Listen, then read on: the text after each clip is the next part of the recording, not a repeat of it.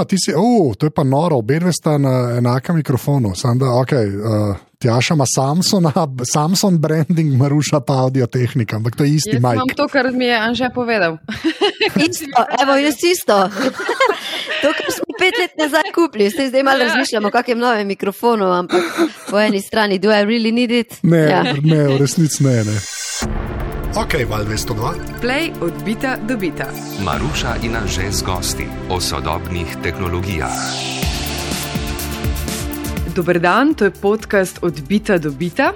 Mi da smo Maruša in Anže. Danes bomo govorili o uh, digitalnem zdravju, pa ne zaradi pandemije ali pa ne samo zaradi pandemije, ker na Facebooku pravijo, da zaradi vojne COVID itak ne obstaja več. Uh, ampak um, bova z novo sogovornico poudarila to, kar smo uh, ugibali že pred meseci, da so aplikacije za zdravje zelo priljubljene, zelo popularne, da je v tej industriji ogromno podatkov, da nam digitalizacija gre ne vem, če dobro ali slabo. Skratka. Tjašo sem našla na portalu Ona Ve, eh, zelo priporočam kolegom novinarjem eh, in se pohvalila Anžetu, ki pa je vse pokvaril z besedami: Ja, ja, se jo poznam, lahko jo pokličem. Hvala, Anže, no, da si mi Prosim. popravil to navdušenje. Odbita dobita. Tjaša Zajec, dobrodošla pri nama. Živijo, živijo. Tjaša, tudi kolegica novinarka, danes sicer deluje kot mednarodno priznana strokovnjakinja na področju digitalnega zdravja. Tjaša, po novinarski karieri si prestopila na področje zdravstvene informatike in digitalnega zdravja, si tudi avtorica podcasta Faces of Digital Health. Okrog 200 epizod imaš, uh, ti boš mimo grede naj na 189, tako da blizu smo si. Blizu, blizu, ja. Eh, Nisem še končala z opisom zaposlena v podjetju Better, eh, kjer se ukvarjaš s poslovnim razvojem programske opreme za ravnanje z zdravili. Sem kaj pozabila, ne vem, kako se ti predstavljaš, če ti kdo reče, da je na hitro v nekaj stavkih pove, kaj počneš. Včasih dodam še to, da sem tudi uh, kronični bolnik že 19 let, kar je bil tudi eden izmed spodbojevalnih faktorjev, da sem se odločila usmeriti v zdravstvo in v razumevanje, zakaj stvari ne delujejo tako, kot bi si mogoče predstavljali leta 2022 v digitalni dobi in dobri uporabniški izkušnji. Koliko časa se ukvarjaš z vsemi temi stvarmi, ki sem jih eh, naštela? Ja, jaz v bistvu midva se z Anžetom poznava iz mladine, kjer sem jaz delala približno tri leta in pol med faksom in takrat je uh, urednik uh, mladine Gregor Repovš rekel, da uh, bi bilo fajn, da se usmerim v eno področje, bodi si zdravstvo ali šolstvo in takrat se je meni zdelo pač zdravstvo nekaj, kar me bolj zanima in sem šla delati uh, magisterij iz ekonomike in menedžmenta v zdravstvo uh, in od tam se je v bistvu vse skupaj nadaljevalo. Jaz sem potem štiri leta delala kot novinarka medicine danes, ki je specializirana eh, revija za zdravnike, zato je, je splošna javnost ne pozna in smo res eh, zelo veliko se ukvarjali z medicino, s kliničnimi smernicami, kar mi je dalo zelo dober pogled v to, kako zdravniki vidijo um, zdravstvo in seveda kako kompleksna je medicina, kar je bila pa potem zelo dobra osnova tudi zato, da sem z nekim bolj kritičnim očesom začela gledati eh, aplikacije in neke inovacije, ki se dogajajo na področju zdravstva. Jaz sem se potem v digitalno zdravstvo usmerila nekje leta 2015 in takrat je bilo tako. Takrat uh, smo se sprašvali, uh, kaj je to digital health kot buzzword, ne? a je to hype, a je to nekaj, kar bo um, se res razvilo v nekaj zelo koristnega za bolnike. Takrat je bila ta industrija vredna 8 milijard. Uh, dolarjev in smo se sprašvali, a je to zdaj bubble, a, ne? a je to balonček, ki bo počel. No, evo, danes smo po različnih ocenah na približno 44 milijardah, po enih ocenah, druge analitske hiše pravijo, da celo 60 milijard vredna industrija. To se pa nekako strinjajo, da je leta 2021 bila rast industrije, se pravi, krat dva, a ne. 2020 je bilo nekje 30 milijard investicij v digitalne rešitve, potem pa lani že kar dvakrat tok, kar je bila tudi seveda posledica pandemije in dejstva, da smo morali več stvari delati s tehnologijami, komunikacijo in na drugačen način. Uh -huh. ja, ja, zelo, zelo zanimivo zveni vse tole. Predlagam, da se še bolj zakopljemo v izbrane teme. Smo? Smo. Smo. Odbita dobita. Digitalizacija zdravstva. Eh, kot si že namigovala, kot si že začela, sploh pred leti se je slišalo eh, nemogoče. Meni se še danes, eh, sploh glede tudi na številne težave, ki jih je pandemija odkrila v zdravstvenih sistemih po svetu. In po drugi strani se sliši optimistično, vsaj na papirju v tem trenutku strateškega sveta za digitalizacijo. Ali pa se motim, pa smo dobri in predvsem na dobri in varni poti do e-zdravja. Tjaša, kako nam gre po tvoji splošni oceni v Evropi, ker spremljaš in sodeluješ z mednarodnim prostorom, pa tudi v Sloveniji? Kar je absolutno jasno, je, da je pandemija zelo spodbudila neke finančne vire, finančna vlaganja v samo digitalizacijo. Zdaj, kot si omenila, v Sloveniji je napoved, da naj bi se v naslednjih letih v digitalizacijo zdravstva vložilo 83 milijonov um, evrov. Potem, če pogledamo, Katalonija ravno kar uh, izvaja digitalno strategijo, v katero so vložili 40 milijonov, a ne Katalonija ima tam nekje 8 milijonov ljudi. Potem desetkrat več ljudi, uh, velika uh, Nemčija je lani vložila, mislim, da oziroma v zadnjih letih no, v njihovi strategiji 4,3 milijarde za infrastrukturo, ker oni so recimo res, res še zelo na začetku. Mi imamo v Sloveniji doskrat občutek, Eh, da nam gre slabo, ampak ko pa začneš opazovati, eh, kje so stvari drugje, eh, smo pa zelo napredni s tem, da imamo mi recimo e-recept, e-naročanje, da so nam te stvari samo umevne, e-recept, recimo Nemčija ga še nima in ima tudi. Ja, okay. Ne, ne, ja. sploh ne, daleč od tega. In recimo Nemčija kot zanimivost, ne, um, šele vzpostavlja to njihovo nacionalno infrastrukturo, to hrbtenico, ki jo mi že imamo zelo dolgo. In um, oni so se odločili, da pač ne bodo izbrali enega ponudnika za celotno državo, ampak da, bojo, da bo ta infrastruktura sestavljena iz posameznih komponent in vsaka od teh komponent ima specifikacijo dolgo 6000 do 7000 strani. In v bistvu od tega, da ti dobiš idejo, da bi nekaj digitaliziral na ravni infrastrukture, eh, je tam, eh, se pravi, ocena za Nemčijo, da, da nekje sedem let traja od ideje do implementacije, ker ti moraš sprejeti določene zakone, regulacijo, potem se je treba spisati to specifikacijo, potem je treba te stvari izdelati, jih je treba certificirati, ne bo sedem let. Ne. In to je ta konstantni problem uh, digitalizacije v zdravstvu, da pač traja zelo, zelo dolgo, preden se karkoli uvede, um, sploh v javnih sistemih, kjer uh, gre to skozi neke tenderje, skozi neke razpise. In recimo tudi, če pogledamo ta, te sisteme za zdravila, uh, traja dve leti približno, no, preden se bolnišnica uh, odloči, da bi rada digitalizirala eh, zdravila, pa da jih dejansko potem tudi digitalizira. Eh, to je odvisno in od tega, ali so sredstva na voljo, in od tega, kako potem znotraj bolnišnice eh, stečejo procesi za, za upeljavo. Prej si rekla, da smo mi kar, bom rekel, ok. Tako, ja. as, kaj, če, aj, če bi nas mogla dati na nek gaus ali nekaj, kar se Evrope tiče, kam bi nas dala. To moram reči, da me kar malce preseneča, sploh Nemčija kot Nemčija, ne ta v bistvu stereotipne uh, učinkovitosti in vsega ostalega. Ne, uh, ja, ne, ne, veš, ja. mislim, pri Nemčiji je zelo enostavno razumeti, eh, zakaj je to tako in to je pač ta zgodovinski kontekst. Bog ne daj, da bi se kje kakršni koli osebni podatki zbirali v centralni bazi. bazi ne, ja. ne? In, in to v bistvu usmerja vse. Sej na določenih področjih je Nemčija zelo napredna, sploh s tem uh, zadnjim eh, ministrom Jensom Španom se je zelo velik sprememb eh, zgodilo, a ne tako smo govorili, da je Nemčija on the front of digital development, zato ker so recimo leta 2019 rekli, da imamo mi narediti aplikacije, da bodo dostopne na recept, um, ampak lahko mogoče kaj več uh, povem o tem, malo kasneje, ko bomo ja. se res o ja. aplikacijah uh, uh-huh. pogovarjali. K, uh, kar se tiče Evrope, je, so najbolj napredne uh, nordijske države, ki so digitalizirane že zelo dolgo ja. in ima recimo Finska tudi zelo dobro urejeno to sekundarno rabo podatkov, ki je pa ena največjih tem, ne, ko govorimo o digitalizaciji zdravstva.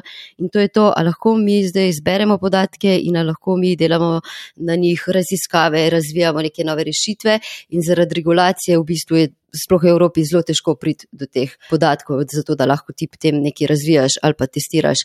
In uh, Finska ima to urejeno z njihovo centralno organizacijo FinData.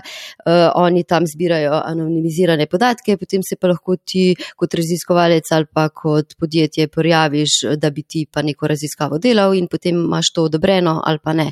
Kot zanimivost, podoben princip ima tudi Tajvan, ki ima tudi že zelo dolgo um, zgodovino digitalizacije in tam v bistvu imaš tudi nek tak centralni center, kamor ti lahko greš uh, delati uh, raziskave na 25 let starih digitaliziranih podatkih. Kar je pa mogoče zanimivo uh, pri tem centru je pa to, da ti lahko greš tja noter brez vsega. Se pravi, nobene naprave ne smeš vzeti noter, vse kar, vse, kar pač raziščeš, si moraš zapomniti. Uh, saj tako je bilo meni razloženo. Eh, Finsko eh, si omenjala, brala sem celo, da naj bi bila Finska na področju digitalnega zdravstva, tem, ko smo se pogovarjali o lestvici, kaj na vrhu, najbolje digitalizirana država na področju zdravstva v Evropi ali celo na svetu. Zakaj? Zaradi teh podatkov, ki so transparentni, anonimni, dostopni. Eh, enostavno zato, ker imajo že toliko časa, ehm, se pravi, te elektronske zdravstvene kartoteke, ehm, digitalizirano zdravstvo pa tudi, se pravi, uporabljalo teh eh, odprtih ekosistemov. Zelo je to povezovanje, zelo, se zelo povdarja, pa seveda uporaba odprtih specifikacij, kot je OpenHR, ampak dajmo ne iti ja. pretirane podobnosti glede uh mhm, -huh, tega. Uh mhm. -huh. E, Tjaša, še to mogoče pri um, digitaliziranih državah, zdaj seveda imamo težave z časovne in finančne in tako naprej, ampak če teh omejitev ne bi bilo, um, kakšna bi bila idealna um, digitalizirana država na področju zdravstva, kaj nujno potrebuje? Če govorimo o nekem idealiziranem scenariju, ki ne upošteva nobenih omejitev, bi verjetno nekako, eh, se pravi, idealna digitalna država izgledala tako, da bi bila izkušnja v zdravstvu eh, strani uporabnika kot eh, izkušnja, recimo, ko greš v wellness center, sej v Ameriki je tega zelo velik, kjer um, imaš um, ponudnike zdravstvenih storitev, ki res poskrbijo za to, da ti že, ko stopiš uh, k zdravniku v čakalnico, se počutiš um, tako malce sproščen sproščeno, ne? mi smo napeti, ko gremo k zdravniku, ni, ja. ni fajn hoditi s zdravnikom. In uh, ta dobra uporabniška izkušnja strani uh, bolnika, da bi ti dobil takoj podatke, recimo po zdravniškem pregledu, da tudi zdravnik bi tam se pogovarjal s tabo, ne? bi znal vzpostaviti neko sproščeno okolje, uh, kjer bi se lahko pogovorila o zdravstvenih težavah. To so neki taki idealni scenariji, kjer bi tudi mogoče zdravnik imel pred sabo nek dashboard tvojega zdravja in bi eh, lahko delal neke predikcije na podlagi tvojih prejšnjih podatkov ali pa laboratorijskih izvidov, ki jih dobi. Ne, skratka, zelo te personalizirane medicine se zelo razvija in ideje so, ne, da bi zdaj ti um, na podlagi tvojih osebnih karakteristik pa lahko zvedel ne vem kaj vse. To je pač znanstvena fantastika. Realnost je, da, da so sistemi zelo ločeni, um, da so podatki v, v silosih, da uh, so nažalost pač ti sistemi, ki jih zdravniki uporabljajo, zelo neprijazni za uporabo, zelo veliki je ročnega vnašanja podatkov. Eh, da zdravnikov je absolutno premalo, tudi medicinskih sester, kar se je v času pandemije še, še poslabšalo, ker je zelo veliko strokovnjakov eh, zapustilo eh, zdravstvo. In, in to recimo ta, se pravi, pomankanje delovne sile je naraščujoč in zaskrbljujoč problem. Zdaj, zakaj pa stvari niso dlje, kot bi lahko? Kot bi si želeli, da bi bile v smislu digitalizacije, pa pač enostavno zaradi eh, sredstev in zaradi tega, kako se vlaga oziroma plačuje za to. Recimo, ko se je digitalizacija začela v ZDA leta 2009, je bil sprejet zakon, so bila na voljo finančna sredstva, ki kot spodbuda um, zdravstvenim zavodom, da bi se digitalizirali. In takrat trg še ni bil zelo uh, razvit in, in so se potem rešitve razvile, um, se pravi elektronske zdravstvene kartoteke, ravno zaradi tega, ker so bila sredstva na voljo. In v bistvu se je naredilo stvari zelo, zelo hitro. In, in zato tudi uh, danes, uh, kot eden večjih problemov v zdravstvu, je ta uh, physician burnout, se pravi izgorelost zdravnikov zaradi tudi informacijskih sistemov in količine časa, ki ga porabijo za vnašanje podatkov v sistem. Da ne govorimo o tem, da se stvari copy-pastajo, da v bistvu zdravstvene kartoteke niso pregledne, kot recimo, če si ti nek zapisek narediš glede uh, pacijenta. Skratka, problemov res ne zmanjka. ja, sem jih hotel reči zdaj, začela si z eno idealno različico, pa je šlo pa, sam, pa se je pa hribno vzdolj obrnilo. bom, bom dala eno ful zanimivo ilustracijo, ko sem jo videla uh, pred kratkim. Ne, v, tudi primer iz Amerike ne, mi je razlagal. Eh, en zdravnik, da nek oftalmolog, specialist je um, dobil recimo dva, dva bolnika, različna od dveh različnih zdravnikov. In zdaj um, en zdravnik je bil tak, da pač je delal še vse po starem, bolj na roke, bolj na papir, zato ker njemu je bilo pač vse in je rekel, ne bom se jaz ukvarjal s to digitalizacijo, bom pa pač plačeval te kazni zaradi tega, ker nimam elektronske zdravstvene kartoteke. Je um, poslal to napoved za, za bolnika prek faksa, ker pač faksi danes obstajajo zaradi zdravstva, mi grede. No, in uh, potem je to bilo na eni strani, uh, pol je bil pa še primer uh, nekega drugega bolnika od enega zdravnika, ki je pa imel uh, stvari digitalizirani. Ta referral, se pravi to pismo za, za napotitev bolnika, je bilo dolgo, če bi ga sprintal, ne vem, 15 strani, zato ker je um, ta zdravnik pač upisal res vse, kar je lahko v sistem, vse podrobnosti o pacijentu, um, zato ker je pač plačilni sistem vezan na to, kako kako izpopolnjena je um, bila ta kartoteka. In tle se v bistvu zelo veliko stvari zgodi, da pač so plačni sistemi naravnani tako, da se potem um, sistemi mogoče ne uporabljajo tako optimalno, kot bi se lahko. A ja, daljša, ker je kartoteka več zaslužil. Tako je. Ja. V bistvu več, ko je bilo podrobnosti, več je dobil. Ja. To je pa najbolj ameriška stvar do zdaj, to je pa zelo. To je pa USA, USA. Oh, Ko smo wow. že pri um, slabih primerih praks, ne, uh, verjetno se vsi trije strinjamo, da so zdravstveni podatki uh, zelo občutljivi in, in jih moramo še toliko bolj uh, paziti. So najobčutljivejši osebni podatki vsakega posameznika. Uh, Tja, še ti si celo snimala dokumentarec uh, na to temo, ker praviš, da se dogaja ogromno napak pri uh, predpisovanju zdravil. Lahko poveš kaj o tem ali izpostaviš kak uh, primer uh, v digitalizaciji digitalizaciji v zdravstvu, ki ni najboljši? Um, ja, zdaj, ko govorimo o problemih vezanih na zdravila, um, ne gre nujno toliko za podatke o bolnikov, kot gre za zelo velik nekih drugih dejavnikov. Se pravi, od tega, da um, sploh pri starejših ljudeh um, imamo bolnike, ki jim je predpisanih 15 in več zdravil. Zdaj si pa lahko predstavljate, da imate 15 uh, zdravil, od katerih so eno tablete, ki jih je treba vzeti trikrat na dan, eno tablete, ki jih je treba vzeti dvakrat na dan, vse to ob različnih urah, potem so vmes še kapljice, pa še kak sirup, pa še ne vem kaj vse. Skratka, nemogoče je to jemati na, na pravi način, uh, že, že ko smo doma. In iz tega uh, izhaja zelo veliko problemov, recimo na ravni samih bolnišnic ali pa recimo pri zdravniku, je pa pač uh, veliko teh nekih okoljskih uh, faktorjev, ki so problem. Recimo, če se stvari delajo na papirju, pa nekdo napiše neko zdravilo, tist, ki bere za njim, lahko na robe prebere, eh, katero zdravilo je šlo, ali pa recimo kak je odmerek, ali je zdravnik pisal v gramih, ali je pisal v miligramih, ali je eh, napisal deset, ali je napisal sto, ali pa recimo, uh mhm. -huh. ko se dela na papirju, pa če se predpisuje iz ene, enega papirja na drugega, kar je včasih treba, um, se ravno te napake pri transkripciji zgodijo. Zdaj z digitalizacijo se te stvari popravijo, se pravi, ta, ta nečitljivost uh, izgine. Problem je pa v tem, da uh, če so prej zdravniki hitro pisali, zdaj hitro tipkajo. In, vedno, ja, ja, ne, in pol imaš pa pač drop down meni in greš slučajno mal na robe in pride do neke napake. In seveda jasno, da danes obstaja že zelo velik sistemov za podporo pri, pri, pri predpisovanju zdravil, ki opozarjajo na neke interakcije ali pa na prevelike odmerke. Problem je pa seveda, da v bistvu je teh interakcij toliko, da na koncu z zdravnikom kar naprej uh, skačejo opozorila na ekran in na koncu se izignorirajo zelo velik teh.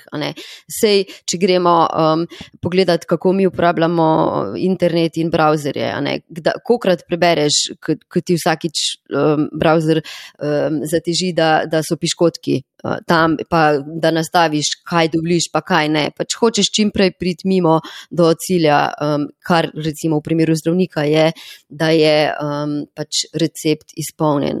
In tudi potem, ko je pač recept enkrat napisan, se napaka lahko zgodi, ko se zdravilo da pacijentu. Recimo eden izmed primerov, uh, ki je bil omenjen v tem dokumentarcu, je, uh, so tudi uh, embalaže zdravil.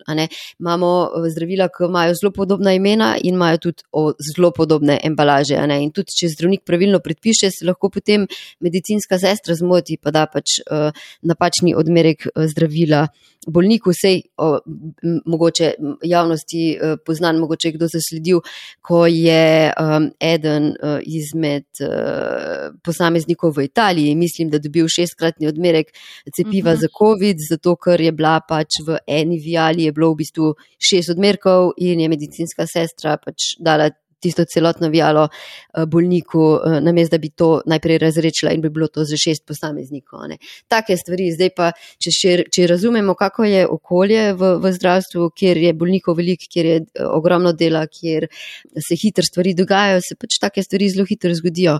In zdaj um, obstajajo neke rešitve, kot so recimo uporaba črtnih kod, kjer ti skeniraš bolnika, skeniraš zdravilo in potem preprečiš, da bi napačen bolnik dobil napačno zdravilo. Eh, ampak to so spet neke stvari, ki imajo določene kompleksnosti pri samih implementacijah eh, in, in zahtevajo seveda nek določen uložek. Tako da se gre ponavadi postopno. Najprej ti digitaliziraš zdravila, potem se pa še ukvarjaš s temi zaprtimi eh, krogi zdravil, se pravi, kjer se poskuša ta človeški faktor čim bolj izločiti iz celotnega procesa, zato da ne pride do neke napake.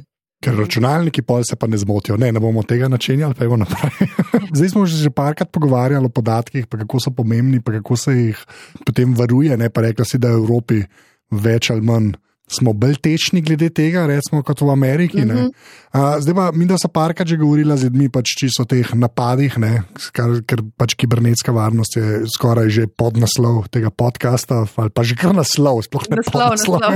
če, ima, ne, če imaš kakšen primer napadov, ki so se bolnicam zgodili, ne, ali pa nekim zdravstvenim ustanovam, pa kaj pa vse to pomeni, samo tako, da se še tega malo dotaknemo, ker se mi zdi, da smo to, kar si že omenjala, in kartoteko, zdaj že zdravila, ne, tukaj je res ogromno enih podatkov, ki v resnici samo čakajo, da se jih nekdo loti. Ne? Ja, mislim, eh, problem je seveda v tem, da je uprema, eh, ki se uporablja, zastarela. Mhm. Uh, v, v, tudi v zdravstvenih uh, ustanovah in recimo v, v Evropi oziroma v Veliki Britaniji, verjetno en tak najbolj odmevnih teh kibernetskih napadov je bil ta WannaCry iz leta 2017, eh, zaradi katerih eh, je, je pač vplival na 300 tisoč naprav v 150 državah, v Veliki Britaniji pa je prizadel 80 bolnišnic.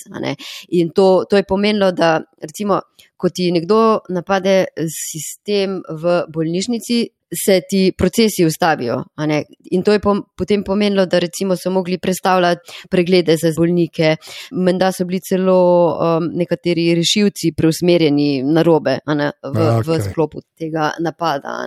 Drugače, ocene recimo glede same vrednosti zdravstvenih podatkov so različne. Te najnižje so, da so trikrat več vredni kot recimo finančni podatki, potem so ene ocene, da so celo desetkrat ali pa štiridesetkrat eh, večje v v ZDA je problem recimo v tem, ko nekdo pride do tvojih zdravstvenih podatkov, je dilema oziroma um, nek strah, da ne pride do tega, ta social security number, ker ta, ta njihova številka je pa pač vezana na vse in na, na te um, zahtevke za zavarovalnico in za davke in tle imajo potem uh, ljudje lahko zelo, zelo, zelo uh, velike probleme, da se znajdejo v nekih uh, procesih, kjer nekdo um, v bistvu njihovo številko izkorišča za uh, finančne uh, ugodnosti. Problem je, ne, da recimo ti, če zgubiš uh, vizo, pa jo prikličeš, pač dobiš novo in tista kartica, nova kartica ima novo številko.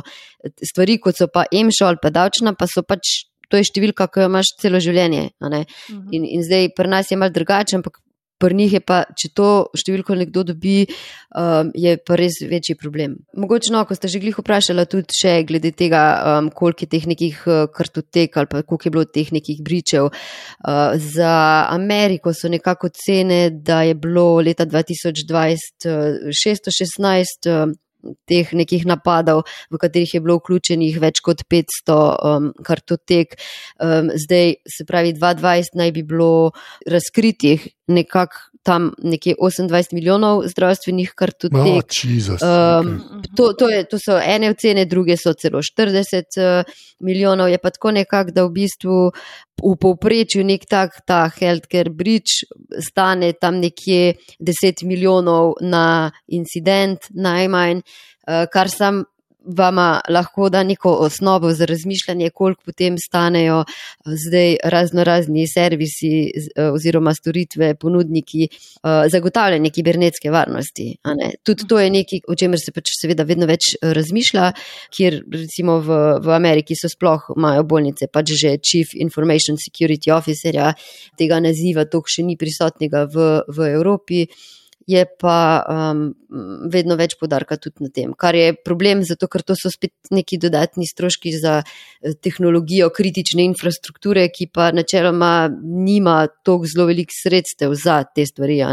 Um, v Evropi je tam nekje med en in tri odstotke proračunov teh zdravstvenih oziroma v bolnišničnih se, se nameni za informatiko, kar je pač seveda ni, ni glih velik, če hočemo pol še vse neke nove tehnologije, uh, ki hitro zastarijo, uvajati. Mislim, da nas čaka uh, veliko izzivov. No?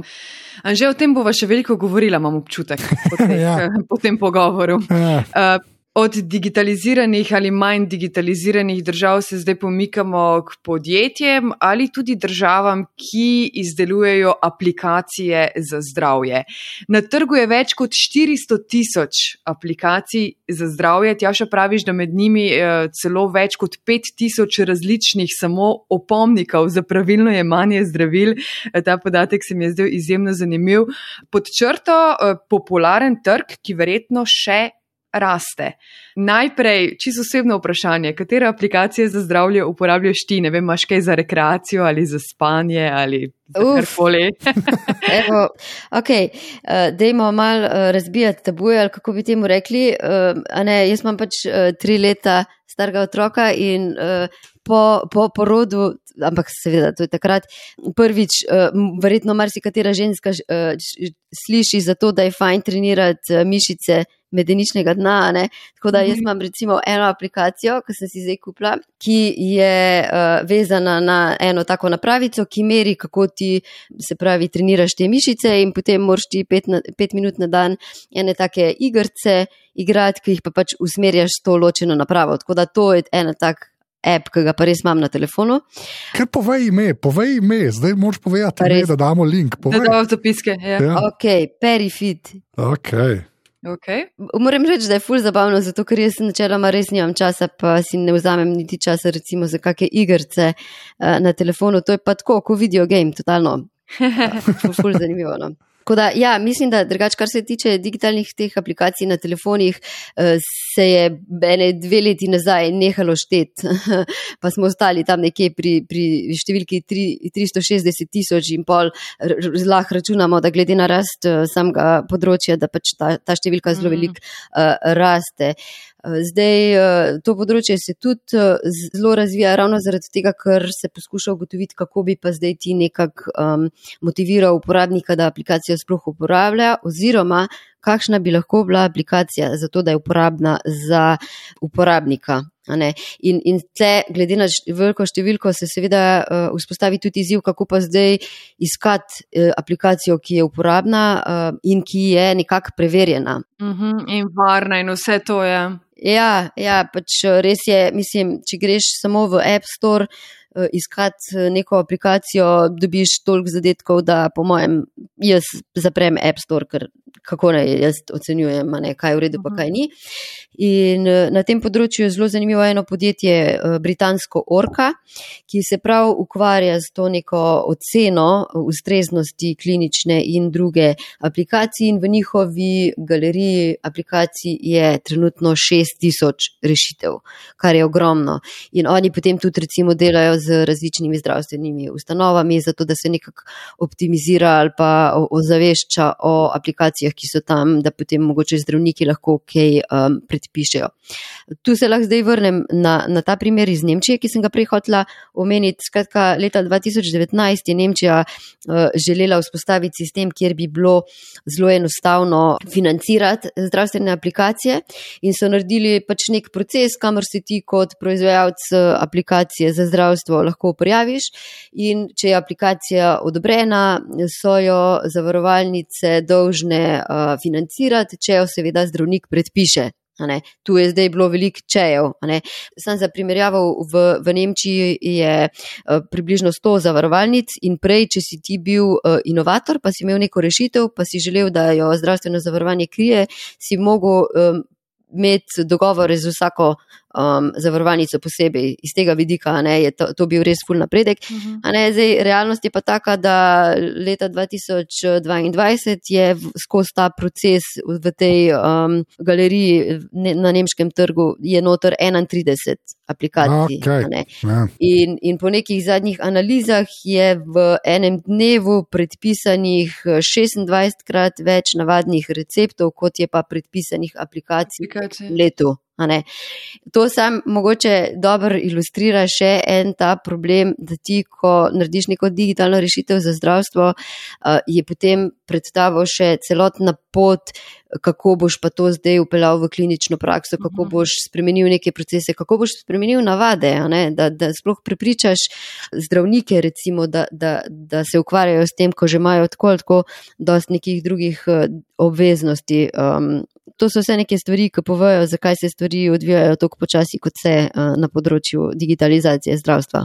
Ampak aplikacije, ki jih v Nemčiji predpisujejo, imaš kakšen primer, gre to za neke zelo resne, uh, nišne aplikacije ali lahko predpišejo, ne vem, zmišljujem si stravo in ti rečejo, predpisano imaš, da se redno rekreiraš. Ene so, vidim, tle za, za multiplo sklerozo, veliko, zelo ogromno je nekih aplikacij, pa tega za uh, diabetes. Te resne aplikacije so vedno nekako namenjene za boljše ravnanje oziroma upravljanje kroničnih bolezni. Aha, okay. Zelo veliko je pa tle, seveda, tudi uh, tega mental healtha, se pravi, duševnega zdravja, migrene, različne stvari. Tako, če se sam vrnemo na cel trg aplikacij kot takih. Pa prej si rekla, da obstaja že podjetja, ki jih preverjajo. Pa že sama si rekla, da če greš ti karkoli iskat, je pač potem plaski in obupaš, ali pa saj probaš ene dve, pa upaš na najboljš, pa zaupaš nekako cenam. Ne? Ampak, aj kle, kaj greš na koli rešitev, ker le gre za zdravstvo, ker se mi zdi, da je tukaj pa res več ali manj prepuščeno tako trgu. Zdaj, Nemčija je full lep primer, 31 aplikacij. Prej smo govorili o 400 tisočih. Kako bi mogli to potekati? Dejansko bi mogli pač zdravstvene organizacije tukaj pač noter stopiti, pa nekako se bi te procesi, kot je v Nemčiji, mogli posod pojaviti. Ker jaz to tako večkrat razmišljam, jaz sem prej te vem, aplikacije pomagala vam bo spati. Ne? Ker tako mal je malo, da jih mal probat, pa si pa tako. A se res hočeš s tem igrati pri nekih ljudeh, ki pač samo upajo na najboljš, ali bi rad, da mogoče ima nek doktor nekje nekaj s tem. Ne? Mislim, v katero smer bi to mogli iti. Zdaj to, kar se mi zdi, kar prepustiti samo developerjem. Pa upati na najboljš, to je zdajšen sistem, pa ne vem, če glih deluje. Tle, ko imamo, se pravi, to knjižnico nemško, ne, ali ta orka, ki sem jo prej omenila, kjer je 6000 aplikacij, to so vse res neke aplikacije, kjer je bolj ali manj, um, so neki resni strokovnjaki zadnji za to, da so te stvari sploh odobrene. In, in mislim, da je to pač ta pot, po kateri lahko gremo. Da imaš ti nekoga, ki preveri neko ustreznost. Idealno, seveda, za bolnika bi bilo, če bi zdravnik uh, vedel, kaj lahko priporoči, ker konec koncev še vedno zdravnikom zaupamo, da, da nam svetujejo, ja, uh, da so ja. strokovnjaki. Ja da vejo, ampak tle pa pač treba tudi vedeti, da ne moramo zdaj pričakovati, da, da bojo pa zdravniki vse vedeli. Tako je, je zelo, zelo zahtevno. Jaz ne bi hotel tle reči, da pa zdaj morajo pa zdravniki vedeti, uh, kje so uporabne aplikacije, ker je tok tega. Ja, to, to je pa zdaj vprašanje tega partnerstva med bolniki in zdravniki ne, in, in, in tega odmikanja od uh, paternalistične medicine, kjer recimo lahko pač zdravstvo in zdravniki dobivajo tudi informacije strani bolnikov, kaj so neke stvari, ki jih uporabljajo ali pa ki so jih zasledili v nekih združenih bolnikov in podobno, zato da se potem nekako skupaj usmerja sistem v iskanje nekih rešitev, ko se lahko priporočajo na širši ravni. Vedno večji izziv bo to preverjanje aplikacij, ne? tudi zaradi milijard, ki se vlagajo v ta trg, zaradi aplikacij, števila aplikacij, ki narašča.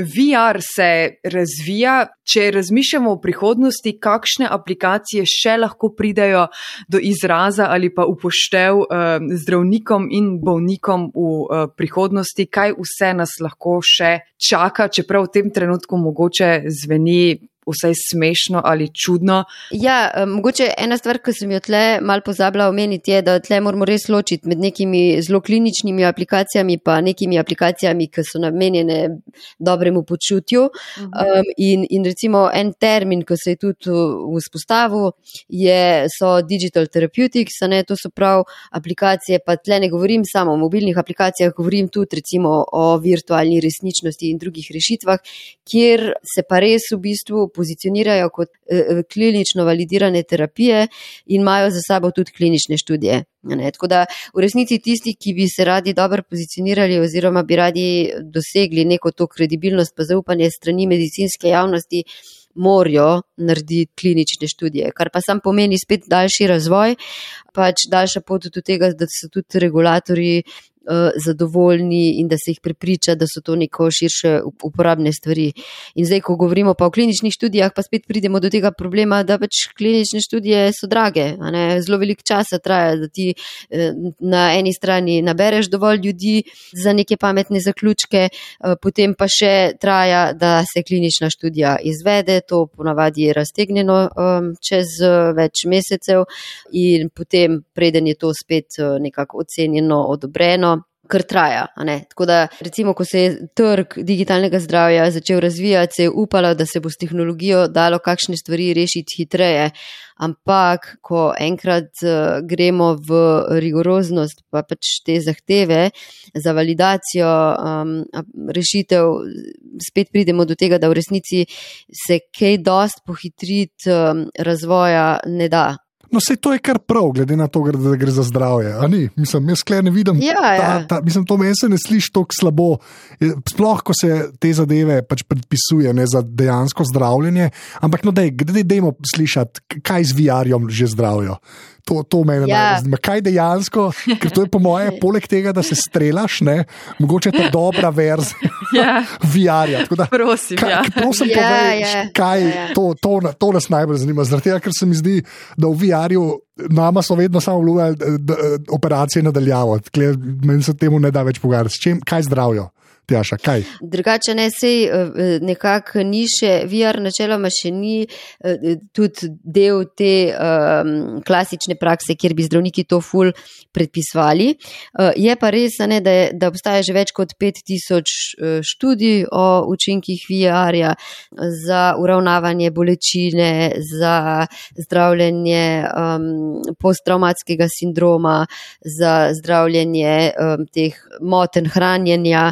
Pa recimo ena taka zanimiva študija je bila tudi to, da so uh, sprobali VR med porodom in so ženske poročale dejansko o manjši bolečini, oziroma wow. so se pač te bolečine manj spomnile kasneje. Uh mhm. -huh. Ker um, kar, kar se zgodi pri, pri VR-ju, sploh recimo pri nekom, ki tega še nikoli ni izkusil, je to, da v tem okolju uh, pride do nekega spremenjenega stanja zavesti, uh, za katerega pa v resnici vemo tudi recimo že iz študij, ki so bile delane na, na psihadelikih, da ima to lahko zelo uh, dolgoročne, tako instantne učinke, da kot nek popolni reset mišljenja um, in nekih vzorcev, ki se pač nakupičijo.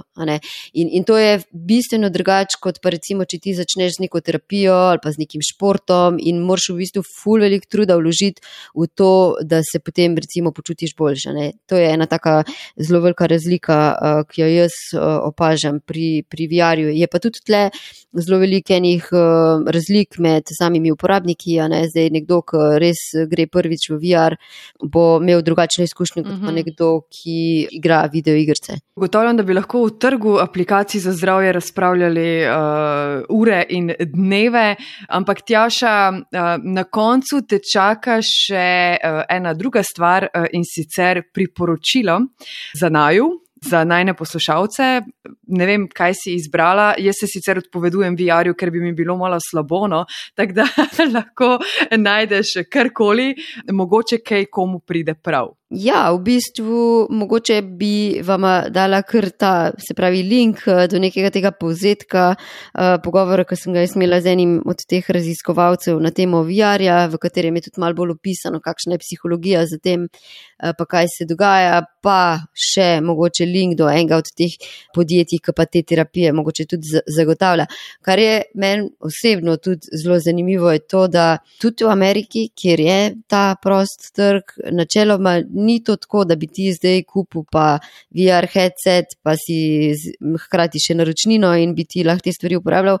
Če žene se to zelo kontrolirano uporablja, da je nek terapeut zraven, ki to predpiše, ki predpiše mhm. nek eh, režim, a ne pa koliko časa to traja. In to je tudi nekako pri vseh teh nekih digitalnih terapeutikih, ne, so to načeloma neke omejene terapije, časovno omejene, omejene terapije, pri katerih se pričakuje nek uh, nek učinek. Ne. Um, mogoče še sam to, kar sem prej rekla, da se lahko VR ali pa tudi ti digitalni terapeutiki, da se recimo za bolečino uporabljajo. To je ful pomembno, zato ker če imamo mi neke take stvari um, za te težave, to pomeni, da lahko predpisujemo manj nekih zdravil, ki so načeloma temu namenjeni in verjetno ta vsaj v grobem seznanjena s tem, kakšne težave ima Amerika še vedno zaradi te krize z opioidi. Kaj so sek, sekleri, a to sploh lahko rečemo, ali nas bo en tožil, če sami primko menimo te familije. Lej, zdaj smo v slovenščini, mislim, da smo on the safe side. Ja. Tako da ja, uh, ja, ja, američani imajo res, ker resne težave. To. Mislim, to res ni hec, resnično. Vse to, kar jaz preberem, vse, kar preberem na to temo, je kar grozljivo. No. In mhm. baj smo, se mi smo se mi temu kar ognali. No. Ja, ja, mi imamo zelo, uh, zelo močno regulativo, um, kar se tiče zdravil. Zelo težko je za res kaj močnega dobiti, recimo brez recepta v lekarni. Je pa tudi treba upoštevati, ne, da Amerika in Nova Zelandija sta edini dve državi na svetu, ki dovoljujeta uh, oglase strani farmacevtske industrije za zdravila na recept direktno potrošnjo potrošnikom. Pač lahko si potem predstavljate, koliko je to enega pritiska dodatnega yep. na zdravnike, kaj vse bi pa bolnik zdaj imel. Ja, val, ja, seveda, ja. ker tako pol vplivaš na ja, oh, wow, to, pa sploh pomislil nisem. Kol, ja. Ker tako imajo tudi pacijenti mnenje. In, tak, hm. Pa jaz, jaz sem, ko sem bil v Ameriki, če sem prižgal TV, več ali manj samo reklame za farmacijo. Vem, to je bila vedno moja izkušnja. Avtomobili pa farmacija, jaz drugega skoraj nisem videl. Tako sem tam res zelo malo sicer gledal televizijo, ampak ja, je res, tam je res drug svet, kar se tega tiče. No. Mimo grede, eh, v to tretjo temo v priporočilo eh, dodajava tudi povezavo do podcasta eh, Tjašinega, ki smo ga omenjali, Faces of Digital Health. 200 epizod, uhu. Ja. Čestitke, Tjaša, to ja. je že zelo lep menik. Eh, Anže se zdi, ker ne strinja. On je bil po mojem na 200, ko sem jaz začela. Moja številka je, je tako visoka, da jo ne vem. Tako da to je. Tako da ne, 200. Da nekaj vštet po treh mesecih. Tako, ja. Ne, pa fajn je, uh, fajn je ko, ko obstaja, da obstaja podcasti, ki dejansko trajajo. Ne, to je vedno za, za pohvaliti, mm. pa, pa vzpodbujati. Tako da ja, res. Uh, Faces of Digital Health. Seveda bo povezava v zapiskih, se temu reče. Ja. Yes. Tjaša Zajc, hvala, hvala, hvala, hvala, da si se oglasila. Zelo sva te bila vesela. Jaz upam, da še kdaj. Jaz tudi. Super. Odbita, dobita. A, hvala vsem za ocene v Apple Podcast, sicer pa val202.si pošiljka odbita, pa zapiski obstajajo ljudje. Tako da, če poslušate to kot normalen človek v aplikaciji za podcaste, so zdaj tam uh, v povezave do vsega, kar smo se pogovarjali, in uh, to je več ali manj to. Ja, in uh, ogromno teh povezav je omenila Tjaša, ogromno dela imate z dodatnim prebiranjem, branjem, gledanjem, poslušanjem. Tako da super, Tjaša, zelo, zelo hvala. Se slišimo, ne? Res je. Čau, čau. Čau. Ja.